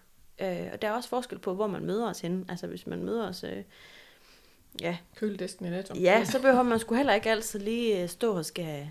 Åh, Nej, Nej. det gider jeg ikke, når jeg er Nej, nede og handle. Og sådan, altså. men, men så bare møder man med et smil og sige, øh, hvor er det forfærdeligt. Eller, Ja. ja. Så det, der er enormt meget akavighed omkring sorgen, og det gør det også værre for os at være i og Ja, møde klart. andre. Ja. Men hvor er det bare skræmmende, at det er sådan? Hvor er det skræmmende, at det er så svært at sige, jeg har det virkelig så dårligt i dag. Ja. Og den kan jeg jo godt selv genkende sig, men, men det, jeg tror, det er noget, man skal øve sig i, men hvorfor skal man også øve sig i det? Hvorfor er, altså, hvorfor er det, når man har det svært, man skal være med til at øve sig i det, men hvem skal ellers, kan man Jamen, sige? Det er jo den der med, at man skal opdrage sit netværk, Ja, men det er jo ja. det, når man er ramt, så er det så svært at Ja, gøre. ja, ikke? Men det er der det. er Og jo kan føles uretfærdigt. også, fuldstændig. Jo. Jo, jeg tror også, det var den følelse, jeg havde sådan i lang tid i forhold til sådan, jeg synes, det var så uretfærdigt, at det Mm. var mig, der skulle sige til Ja. ja. folk, hvad jeg havde brug for, at Ja. folk ikke bare sådan kunne, altså helt, altså sådan per automatik opdage, jamen, nu, ja, selvfølgelig har jeg det af helvede til, jeg har mistet mit barn. Mm. Mm. Øh, mange tror jo også, at det er, ah, det må også være en lettelse, fordi uha, det fylder jo også meget på skuldrene at have et barn Mm. med diagnose, og nu kan man måske gå så og leve et normalt liv igen, ikke? Altså, og det er sådan, jamen det er jo misforstået, fordi Ja. for os var Alfred jo ikke hans diagnose, han var jo, han var jo vores kød og blod, han, var, han er jo vores søn, ikke? Altså, så at han kom med en diagnose, det, nu siger jeg, det betød jo ikke noget for os, i form af, hvad for en kærlighed han fik, fordi Det er sådan, det er. folk tror, at, at, at han var en belastning. Mm. Øh, men i virkeligheden, så er det jo alt det udenomkring, der er en kæmpe belastning. Mm. Altså systemet, ikke? Yes, Man, ja, man er i, og Mm. man kæmper imod. Øh, det er det, der ligesom bliver en sorg, men, men, men, men for nogen tror de, at det er sgu også en lettelse, at han ikke er her mere, fordi, hvor kæft, hvor kan de bare leve livet nu, ikke? Men ja, det er jo, Ja, men jeg kan kun uh, tilslutte, og fra alt fra jeg hører fra klinikken, at vi uh, sjovt nok, vi er lige straks i 22, og vi mangler stadig et sprog for, hvordan man taler om sorg. Ja. virkelig. Ja. Og jeg tror, mest af alt ønsker man bare at blive mødt i Ja. ærlighed. Yes. Sig til mig, hvis ikke du ved, hvad du skal sige. Ja. Ja. Fordi jeg ved sgu heller ikke, hvad jeg gider at høre. Nej, Altså, så bare sig til mig, at du ikke ved, hvad du skal sige. Ja. Og det, det, er, det er nok for mig, så føler jeg mig hørt, og jeg føler mig set i, at elefanten, der står lige midt på bordet, Mm. er banet lidt af vejen. Ikke? Altså, øh, fordi øh, den står i rummet, ligegyldigt hvor vi kommer hen. Øh, og øh, vi kunne hjælpe hinanden med at gøre det mindre akavet. Ved bare at ja, turde snakke om Alfred og sige hans navn, eller spørge til. Oplever du egentlig også det? Tænker jeg, at nogen ikke tør at sige hans navn? For det kunne jeg godt forestille mig, at de bliver nærmest helt ude, hvis vi siger navnet alt, og så bliver, så bliver de nok ked af det. Ja. Ja. Jo, der, jo, men det, jeg, jo, det, det er jo svært, ikke? Fordi folk, de er sådan... Øh, jeg tror, mange er jo sindssygt bange for at gøre os kede Ja, af det, ikke? Jeg tror, vi også. møder dem. Tænk nu, Ja. ja. hvis det er mig, der får dig Ja. ja. til at mm. sætte dig til at græde, mm. eller sådan, og, øh, og det er jo... Øh, det kan godt være, at man rammer en dag, hvor jeg bliver ked af det. Ja. Men, men øhm, Det er ret Men hvis- naturligt. Og det er Ja. heller ikke farligt at blive ked af Nej. det. Der er ikke noget galt i at blive ked af det. Det, Det er det er jo en naturlig følelse. Men, men hvis ikke at modparten kan rumme Mm. min sorg, så skal man bare holde det til at sige, altså giv mig et kram, og, eller klem på armen og sige, altså ja, jeg tænker på dig, eller... Mm. Og så behøver vi ikke snakke mere om det, men hvis man virkelig er interesseret i at høre, hvordan jeg har det, så kan man jo godt spørge, men, men så skal man måske også nogle gange forvente, at man, jeg øver mig i at sige, hvis ikke jeg har det Ja. godt. øhm, Ja, man og det er ikke også nemt. tid af, ikke? Jo. Altså, hvis man så faktisk spørger, så skal man faktisk også kunne sidde og høre på det, der så Ja. kommer. Mm. Præcis. Ja. ja. Fordi det er en kæmpe øvelse. Og ikke bare den der, "Nå, hvordan går det, agtigt. Ja. Og så, Og så håbe på, at du siger, om det går. Ja, Ja. går Ja, og så går lige præcis håbe på, at man siger, jamen det går meget ja, godt. ja. det godt, hej hej. Ja, ja, præcis. Ja, lige nok. Jeg tænker faktisk måske lige, at jeg skulle sige lidt om sorg, inden du fortæller noget om øh, sorg Ja. fordi nu er vi inde på noget af det her. Ja. Øhm, så nu, nu kan du tage en lille pause, øh, Julie, og så lige øh, lytte med, og du må jo gerne supplere. Jeg tænker, at der er ikke noget af det her, jeg kommer til at sige nu, som du ikke kan genkende. Nej. Og ellers så må du gerne supplere. Mm. Det er jo sådan, når man mister et barn, så er det, som jeg også sagde, enormt livsomvæltende, uanset hvad. Og det med sorg, det er et grundvilkår, som vi ikke kommer ud af. Desværre med at miste et barn, så er det, at man kommer hurtigere ind i det, man har regnet med, man skulle. Og det er det, der ligesom kan slå fuldstændig bunden ud af de fleste folk. Ikke? Og så kan man sige, at det at miste et barn, det er hjemløs eller genstandløs kærlighed, og det kan være en meget konkret fysisk smerte. Og det kan det faktisk blive ved med at være over tid. Øh, og så er der jo også det hele relationelle aspekt i det, at man mister jo en relation, både den, der var den aktuelle, men faktisk også den fremtidige relation. Og det er det, der kan være svært for rigtig mange andre at forstå, når man mister et barn. Du har lidt selv nævnt det også med individuelle forskelle, eller man også skal reagere ens, men der er jo individuelle forskelle i, hvordan man øh, håndterer det, og som din historie også er en, et meget fint billede på, så når man mister et barn, går det jo ofte noget traumatisk forud for det, med chok og svære beskeder, hvad der ellers skal være. Nogle gange kan der være mange chok. Øh, og hvordan man ligesom har fået hjælp og støtte og håndteret øh, forløbet undervejs, det får også betydning for, hvordan man klarer sig efterfølgende. Og så tror jeg lige, når vi snakker om børn, så tror jeg, jeg vil sige, at det er en sorg uanset hvornår og hvor tidligt man mister, om det er under graviditet, midt i graviditet, i forbindelse med fødsel, om det er få timer senere, få dage, få år efter, eller det er mange år. Det er stadig sorg. Øh, det er ikke noget, der er hurtigere eller lettere, hvis barnet ikke er særlig gammel eller nyfødt. Det er stadig en sorg. Det er en god point. Jeg tænker, mm. Og så er det sådan med sorg, at i starten kan den være de steder larmende og meget, meget voldsom i øh, intensitet, øh, og kan jo svinge mellem mange forskellige reaktioner. Der kan være det fysiske element i det, man bliver påvirket på sin søvn og sin appetit. øh, man kan få masser af tanker og prøve at forstå og måske acceptere lidt, men også protestere lidt imod, hvordan det nu er, det er. Man kan også blive kognitivt udfordret, det vil sige, at man kan have svært ved at huske, man kan have svært ved at koncentrere sig, man kan miste overblik og have svært ved at overskue ting. Og så noget af det, man ved, det er, når man mister et barn, så er det faktisk helt normalt at få selvmordstanker. Og det er selvfølgelig meget, meget alvorligt. Og nogle gange skal man jo være meget opmærksom på, om det er et reelt ønske, eller det er udtryk for den her enorme, store afmagt og meningsløshed. Og der kan også være selvbebrejdelser. Og nogle forældre oplever, at det kan være en hjælp i sorgen, når man har et andet barn. Så det er også lidt, du så fint nævner, ikke? at ja. I bliver tvunget til at stoppe. Ja. Og jeg tror, må jeg supplere til de, de der med selvmord og sådan noget. Jeg tror, øh, øh, ja, jeg tror, det er helt enormt vigtigt. Og for os, nu siger jeg, var det, er det nemt, tror jeg, i ja. godsøjne. Fordi vi har William. Og ja. øh, man føler, at man skal være noget for det levende barn. Ja. Øh, men jeg kan sagtens sætte mig ind i den tomhed, der må være, når der kun... Ja, hvis det var første barn. Hvis det var første barn. Ja. Altså, øh, der er ikke noget at sige til, at, at nogen ikke ønsker at leve, fordi altså, ja, man skal finde erstatning for, for sit barn. Altså, ja. at det, det, det er sådan nogle, ja, det, det må være fuldstændig ja. tomt. Ja. Så det findes, så det er rigtig vigtigt, at man også øh, i systemerne er opmærksom på, at det faktisk er en helt ja. almindelig reaktion. Det er jo ikke det samme, som man gør det, men det siger noget om intensiteten af voldsomheden. Ikke? Og jeg tror virkelig, at man har sådan nu for mig selv, som du siger, både med søvnløshed og, og kognitivt og mm. så ja, øh, appetit, øh, fysisk smerte. Jeg kan huske ja. den lige ugen der, den første uge der, der havde jeg sindssygt ondt i min arm. Ja. Jeg har en gammel skade i min arm, efter jeg har haft den brækket på et tidspunkt, ja. og jeg fik fysisk ondt i den. Ja. Øhm, det er helt normalt. Ja. men det kan være meget specielt at opleve, ikke? Og folk jo. kan være svært ved at forstå, at man kan få det så fysisk dårligt, ja. men det kan man rent ja. faktisk. Og det, ja, man har, man har det, ja, men man er fysisk, øh, ja. fysisk og psykisk ja. fuldstændig øh, ude af balance, ja. hvis man kan sige det sådan. Og i smerte. Ja. ja. Så det, har man selvfølgelig det helt åbenlyse følelsesmæssige reaktioner, som at øh, man øh, græder og er ked af det, og det kan også være andre følelsesmæssige reaktioner, som at være i chok, eller man kan blive ramt af dårlig samvittighed, eller skyld og skam, måske også i forhold til det ældre barn, som man har det, eller hvordan man har taklet det at man er virkelig i de der, som du også siger, både godstog og rutsjeture, ikke? Og på det sociale område kan det også få betydning, at man har brug for at isolere sig. Det kan være for svært at møde verden, og man kan man også have brug for at søge meget ud. Igen, store individuelle forskelle. Det helt afgørende med det at miste et barn, så bliver man jo ramt virkelig på sin, og du har sagt det så fint, så jeg gentager egentlig bare dig, Julie, på identitet og eksistens. Og det bliver et helt andet livsvilkår. Og rigtig mange forældre, jeg snakker med gennem årene, har en oplevelse af, at de ændrer sig fundamentalt og så alligevel ikke. Men det er i hvert fald noget, man ikke kommer over, ja. eller glemmer, mm. eller man kommer tilbage. Nej. Det gør man aldrig. Nej. Det gør man aldrig. Det, er misforstået. det er fuldstændig misforstået. Ja. Man kan nogle gange med held, når man lærer at leve med sin helt egen, eller være i sin helt egen unikke måde med sorgen på, så kan man begynde at få en fornemmelse af, at man kan genkende sig selv igen mm. på et Mm. tidspunkt.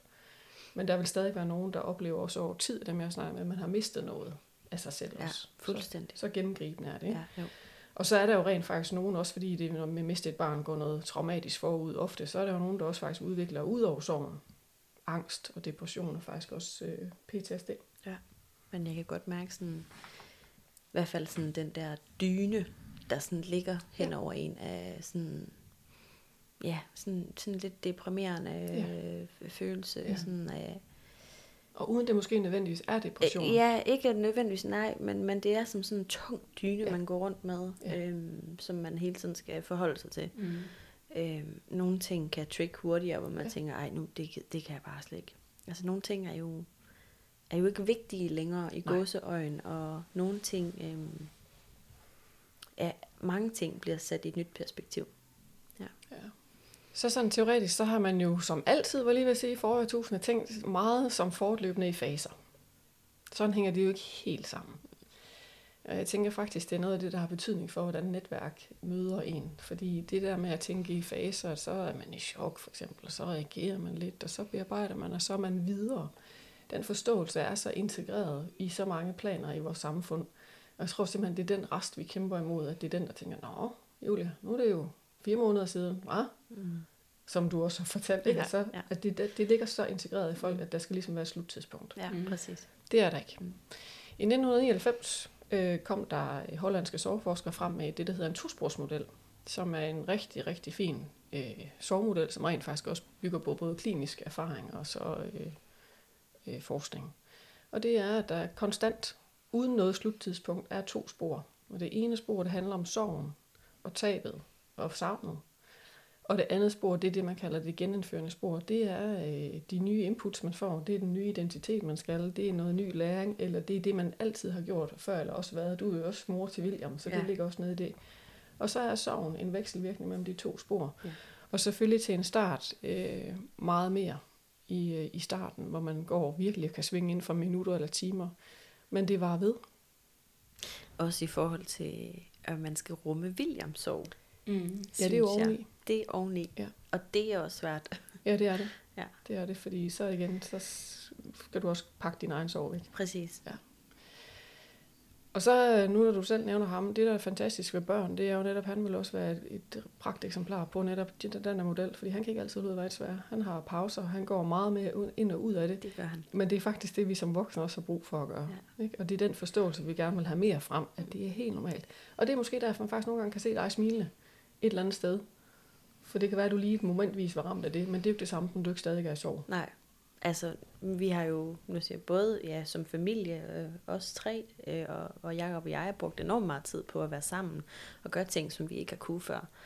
Øhm, både fordi, nu kan vi det, Ja. og, og, men også fordi, at øhm, jamen, bare sådan noget som Jacob og jeg, altså det der med, at vi sådan nu kan børste tænder sammen, og altså, gå i seng på samme tid, ja. og bare være os to sammen, ja. som, som, som, kan, som helt som, som voksne have noget sammen nu. Ja, altså, Som par. som par, ja, det, øh, det er også nyt, og det blomstrer jo også igen nu, fordi nu kan vi jo godt mærke, at nu er der tid til hinanden, og Ja. ja, ja Og samtidig er sorgen der. præcis. Ja. Så Det det, er er- virkelig For- sådan op. Ja. Det er jo fra det ene øjeblik til, at man snakker om et eller andet, men Ja. også så kommer man lige til at scrolle forbi, eller lige tænke over, ja. og så, så græder vi bare, altså. Ja. Så det er jo, ja, svingende, Ja. ind og ud, Ja. helt sikkert. Og sådan er det. Og sådan kan det faktisk blive ved med over tid. Selvfølgelig med længere og længere imellem. Men, men det er helt, helt normalt. Og jeg vil sådan ønske, at det her det kommer mere bredt ud. Mm. Den forståelse, fordi det har vel voldsom betydning for netop, hvis man kunne begynde at blive mødt på den måde af sit nærmeste netværk, at det er helt normalt med svingninger, ikke? Og Jo, helt sikkert. gode dage, dårlige dage. Præcis, og jeg synes bare, det der med, at man kan være ærlig og sige, at i dag er det ikke en god dag. Ja.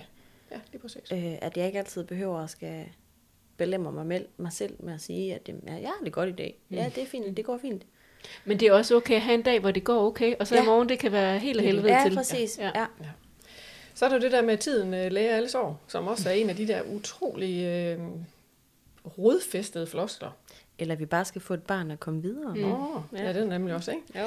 Og det er selvfølgelig rigtigt, at man over tid jo faktisk lærer på hver sin egen måde at lære at leve med sorgen og bære sorgen, ikke? Og faktisk øh, kunne være med det. Men det tager tid.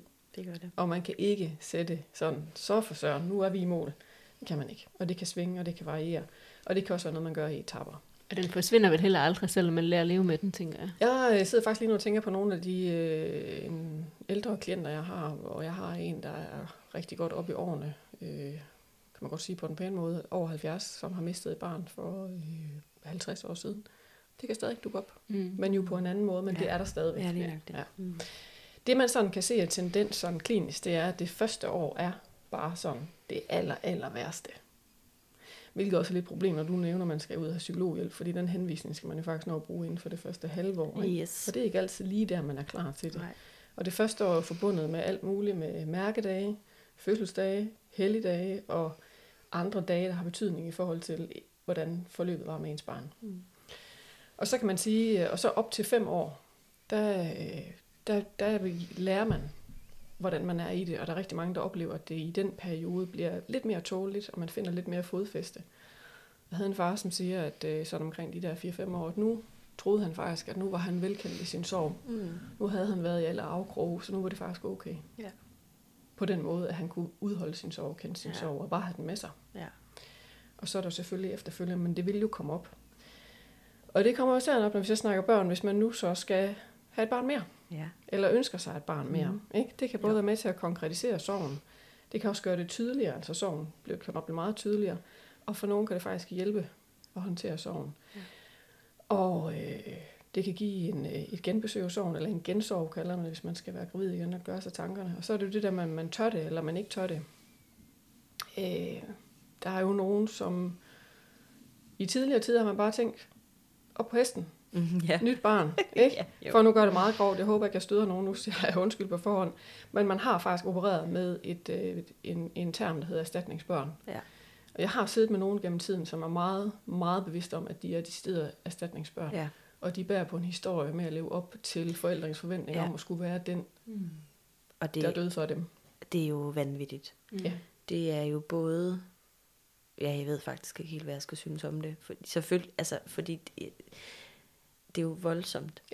Det var For den måde, barnet. Man, ja, Ja, Øh, det er det. Ja, det efterfølgende barn. Ja, det men er det er jo den måde, man løste det på. Ja, Ja, men så det kunne man glemme det. det, så snakker vi ikke mere om det. Lige nøjagtigt. Ja. Ja. Og, og jeg er bange for, at det er det, folk tror. Ja. At øh, Alfred Williams Ja. på et tidspunkt kommende lille Ja. søster og lillebror bliver. Øh, fordi, altså, øh, ja, min mand, han har altid ønsket sig et helt fodboldhold. og, og, og, og vi har også øh, gået i tankerne, inden Ja. at det stod så slemt til med Alfred. Så, Ja. så det er ikke nye tanker for os, og Nej. folk, der kender os, ved også godt, at vi gerne vil have flere børn, og Ja. det vil vi selvfølgelig også gerne nu. Mm. Mm. Øh, men, øh, men, men det bliver også noget, man skal ud og møde verden med, ja. og skal takle Ja. alle de der. Og der kan folk også have lidt forventninger til, om det ikke lige er lidt tidligt, selvom det er lidt sjovt, når folk skal blande sig Ja, lige nok, jo, ja. helt sikkert. Hvor jeg sådan tænker, jamen øh, rigtig mange har faktisk øh, allerede i forbindelse med, at de mister barnet, eller, eller der er risiko for, at de kan have det gjort sig tanker om, at man har brug for et barn mere, fordi man Ja. ja. har den der enorme genstandsløse kærlighed. Ja. Men det er ikke det samme som, at det bliver et erstatningsbarn. Det Nej. bliver et andet barn. Præcis. Ja. Ja. Jo. Øhm, Men også i forhold til William, altså vi har jo også vel give ham, nu siger jeg, en rask søskende. en rest, men det er jo også som- et normalt forståeligt behov. Præcis, ja. Mm. Så, øh, så, så det øh, ligger stadigvæk. Ja. Ja.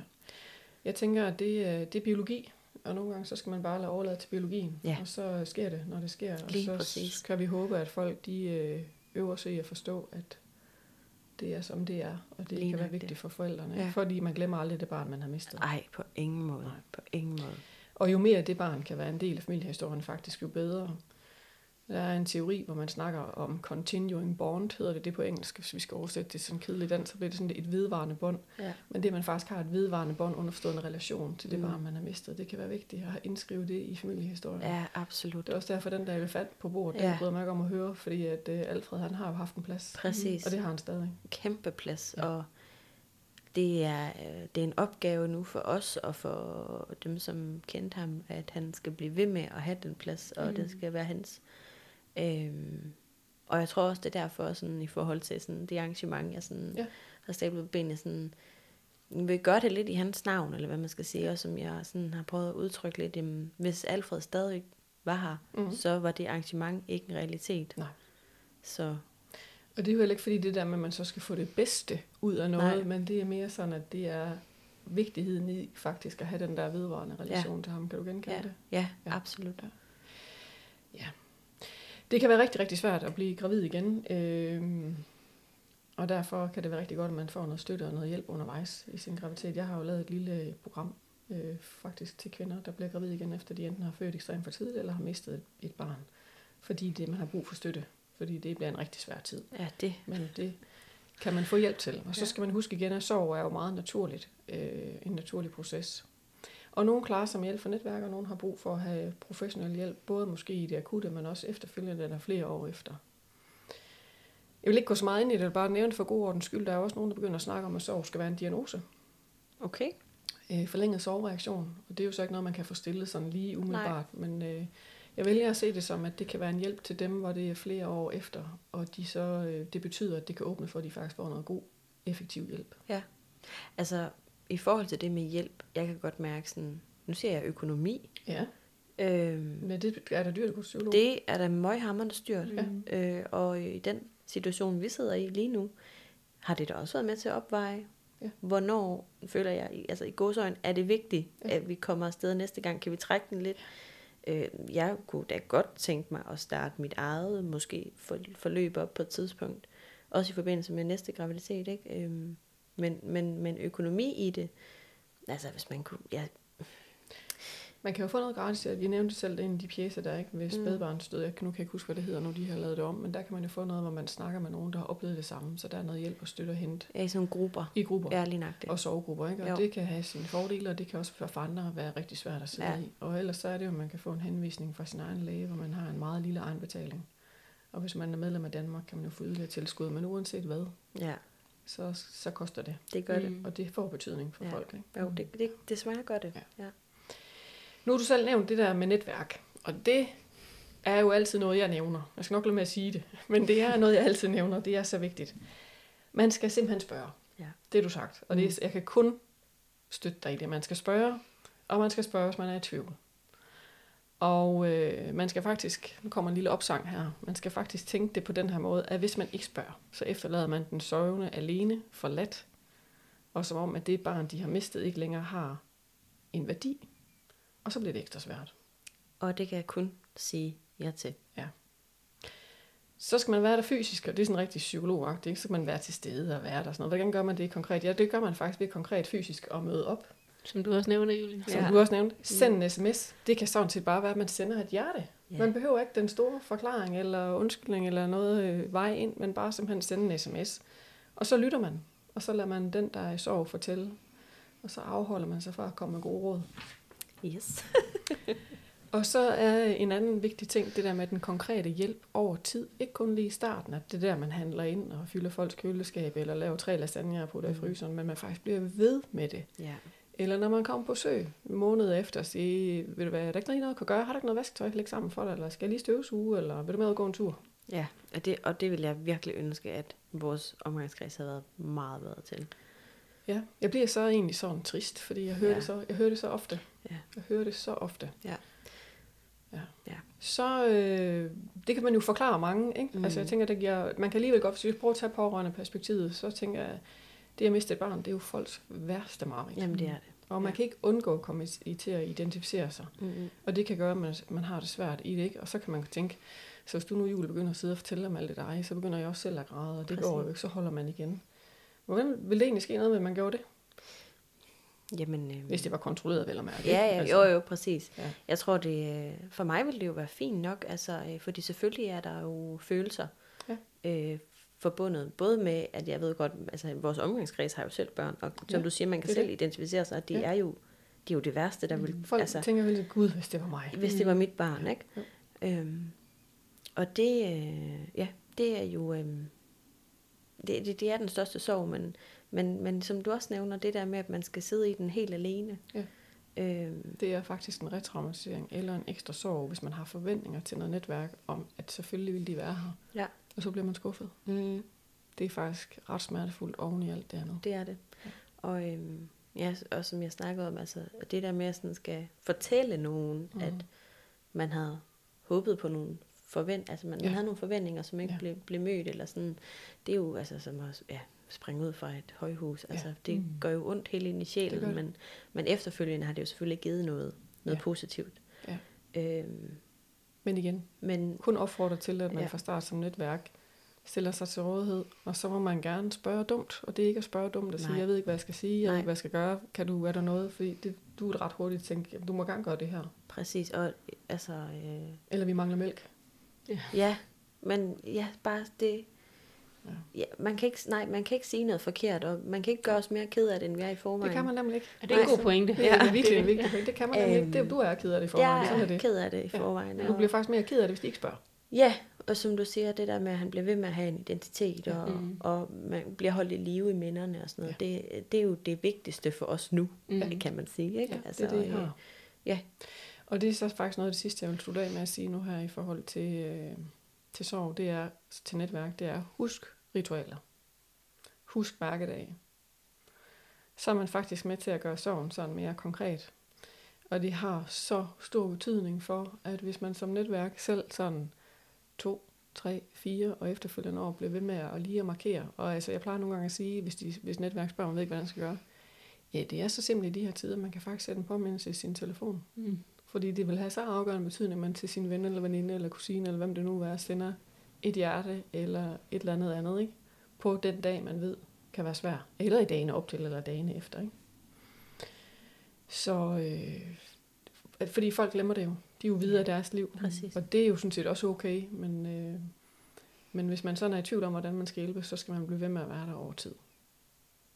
Ja, jeg tror, det her vil slut. Jeg kunne snakke lang tid om det her. Ja, det er, jo- det er egentlig underligt, man skal prøve at gøre det så håndgribeligt, ikke? Fordi Jo. sorg, det er jo det, man ved, der... Det er det eneste, man... Man, man kan jo ikke gå li- gennem livet uden at møde en sorg, Nej. få en sorg. Altså, Nej. Det kan man ikke. Men det er så tabubelagt, og så for, det er så svært for folk at snakke om. Altså, ja. noget, der er så naturligt. Og, øh, Jamen, alle andre ting, vi snakker meget åbent om. ja, Men jeg tænker, der må være sådan noget kultur og noget, Ja. sådan, i hvert fald noget dansk kultur, for jeg tænker, i andre lande, der er man jo meget mere om, åben omkring døden Mm. og omkring sorgen.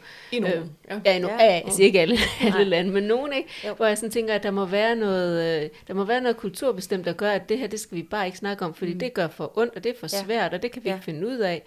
Øhm, Så det er noget, man må øve sig i, tænker jeg, fordi Ja. ja. det, har ikke, det har vi jo, altså sådan, hvis jeg tænker sådan noget øh, 20 år tilbage, der kan det slet, altså der var det da slet ikke sådan noget, man... Nej. Så var man ked af det den dag, folk døde, og den dag, der var begravelse. Men længere tilbage i tid faktisk, ikke? så har man jo gået med sørgebind. Ja, okay. Eller man gik i sort tøj Ja. i øh, halv eller Ja. ja. helt år. Ikke? Ja. Altså, øh, og det, det er der faktisk et eller andet. Så kan man tænke, det der kunne man nok gøre smart i den her tid, eller så stigmatiserer man folk. Det ved jeg faktisk ikke, man gør. Jeg tænker, det er i hvert fald at gøre opmærksom Ja, på Men noget. man er i sorg. Og gøre det tydeligt, ja, Mm. at man er i sorg. ja. Ja. ja, altså jeg var sådan...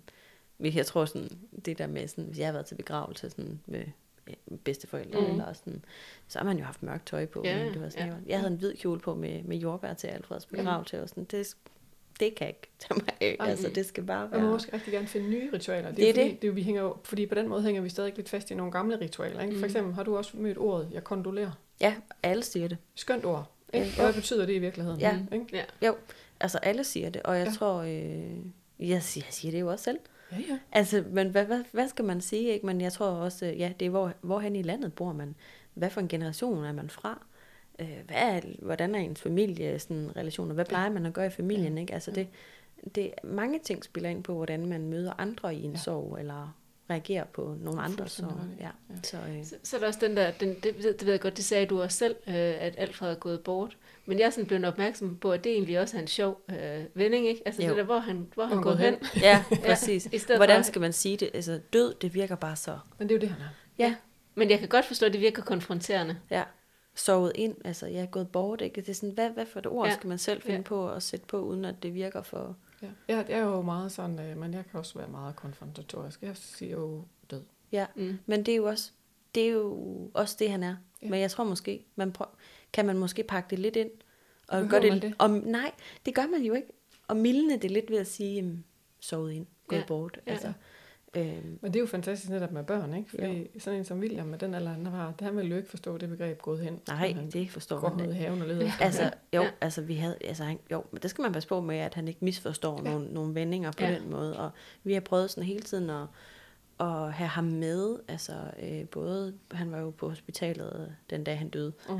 og, øh, og også i kirken, øh, og haft ham med sådan, øh, vist ham, at vi er ked af det, og, Mm.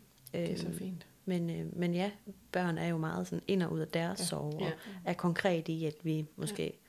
han kigger efter Alfred Ja. ved stjernerne, kan man kan Ja. se Alfred, Ja. Nå, men så er det fordi, der er skyer, ikke? Altså, ja.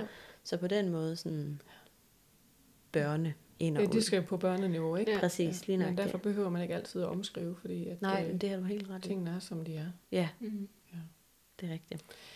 Nå, vi har været omkring meget, og jeg tænker lige, at jeg vil fortælle lidt om sorgoverlov, fordi du fortæller, at I er på sorgoverlov, din mand og dig. Ja. Jeg ved egentlig ikke, om du er på afvikling af din tabte arbejdsfortjeneste, eller hvordan Øh, det fungerer. det er lige slut nu, faktisk. Okay, så du er overgået til sorgoverlov? ja.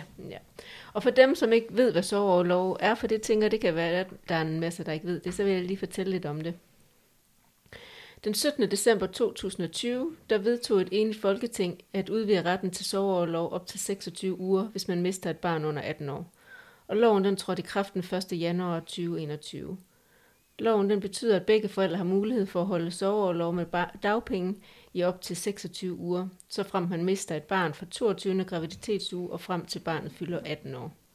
I ordningen er der også mulighed for at komme tilbage på arbejde på deltid, hvis man har en aftale øh, om det med sin arbejdsgiver. Før januar 2021, så havde forældre udelukkende ret til overlov i 14 uger med dagpenge, så fremt at man mistede et barn fra fødslen, og inden barnet fyldte 32 uger, det vil sige cirka 8 måneder. Det er, dog, det er i forbindelse med sorgorlov, er det dog et krav, at man opfylder de almindelige betingelser for at få dagpenge efter barselsloven, blandt andet kravet om at have til, vis tilknytning til arbejdsmarkedet. Ja. Og det var jo sådan lige helt kort om øh, sorgorlov. Ellers så kan man ind på borger.dk, og man kan google en, en hel masse mere om det, hvis man har brug for at læse mere om det. Jamen, øh, så tror jeg, at øh, vi vil sige øh, tusind, tusind tak til dig, Julie, og Mm. tak fordi du delte og har været så bundærlig. Mm. Det er så fint, og det er simpelthen så vigtigt, og det er forbindeligt, og det bliver rigtig rart for rigtig mange at kan høre det, for der vil være, jeg ved, der er mange, der kan spejle sig i det, så tusind ja. tak for det. Tak. Og, ja, og tak for mig også. Jeg synes virkelig, det har været rigtig fint, og virkelig ærligt og smukt. Ja.